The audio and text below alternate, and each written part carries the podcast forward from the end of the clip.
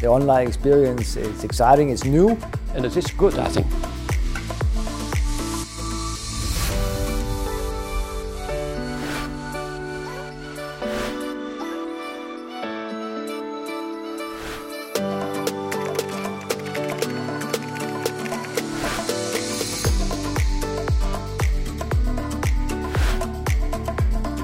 This event can help us to communicate and try to know the problems in our industries.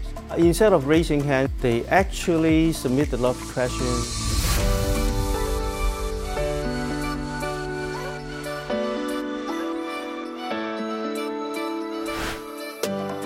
Instead of being totally disrupted by the pandemic, life should continue, business should continue.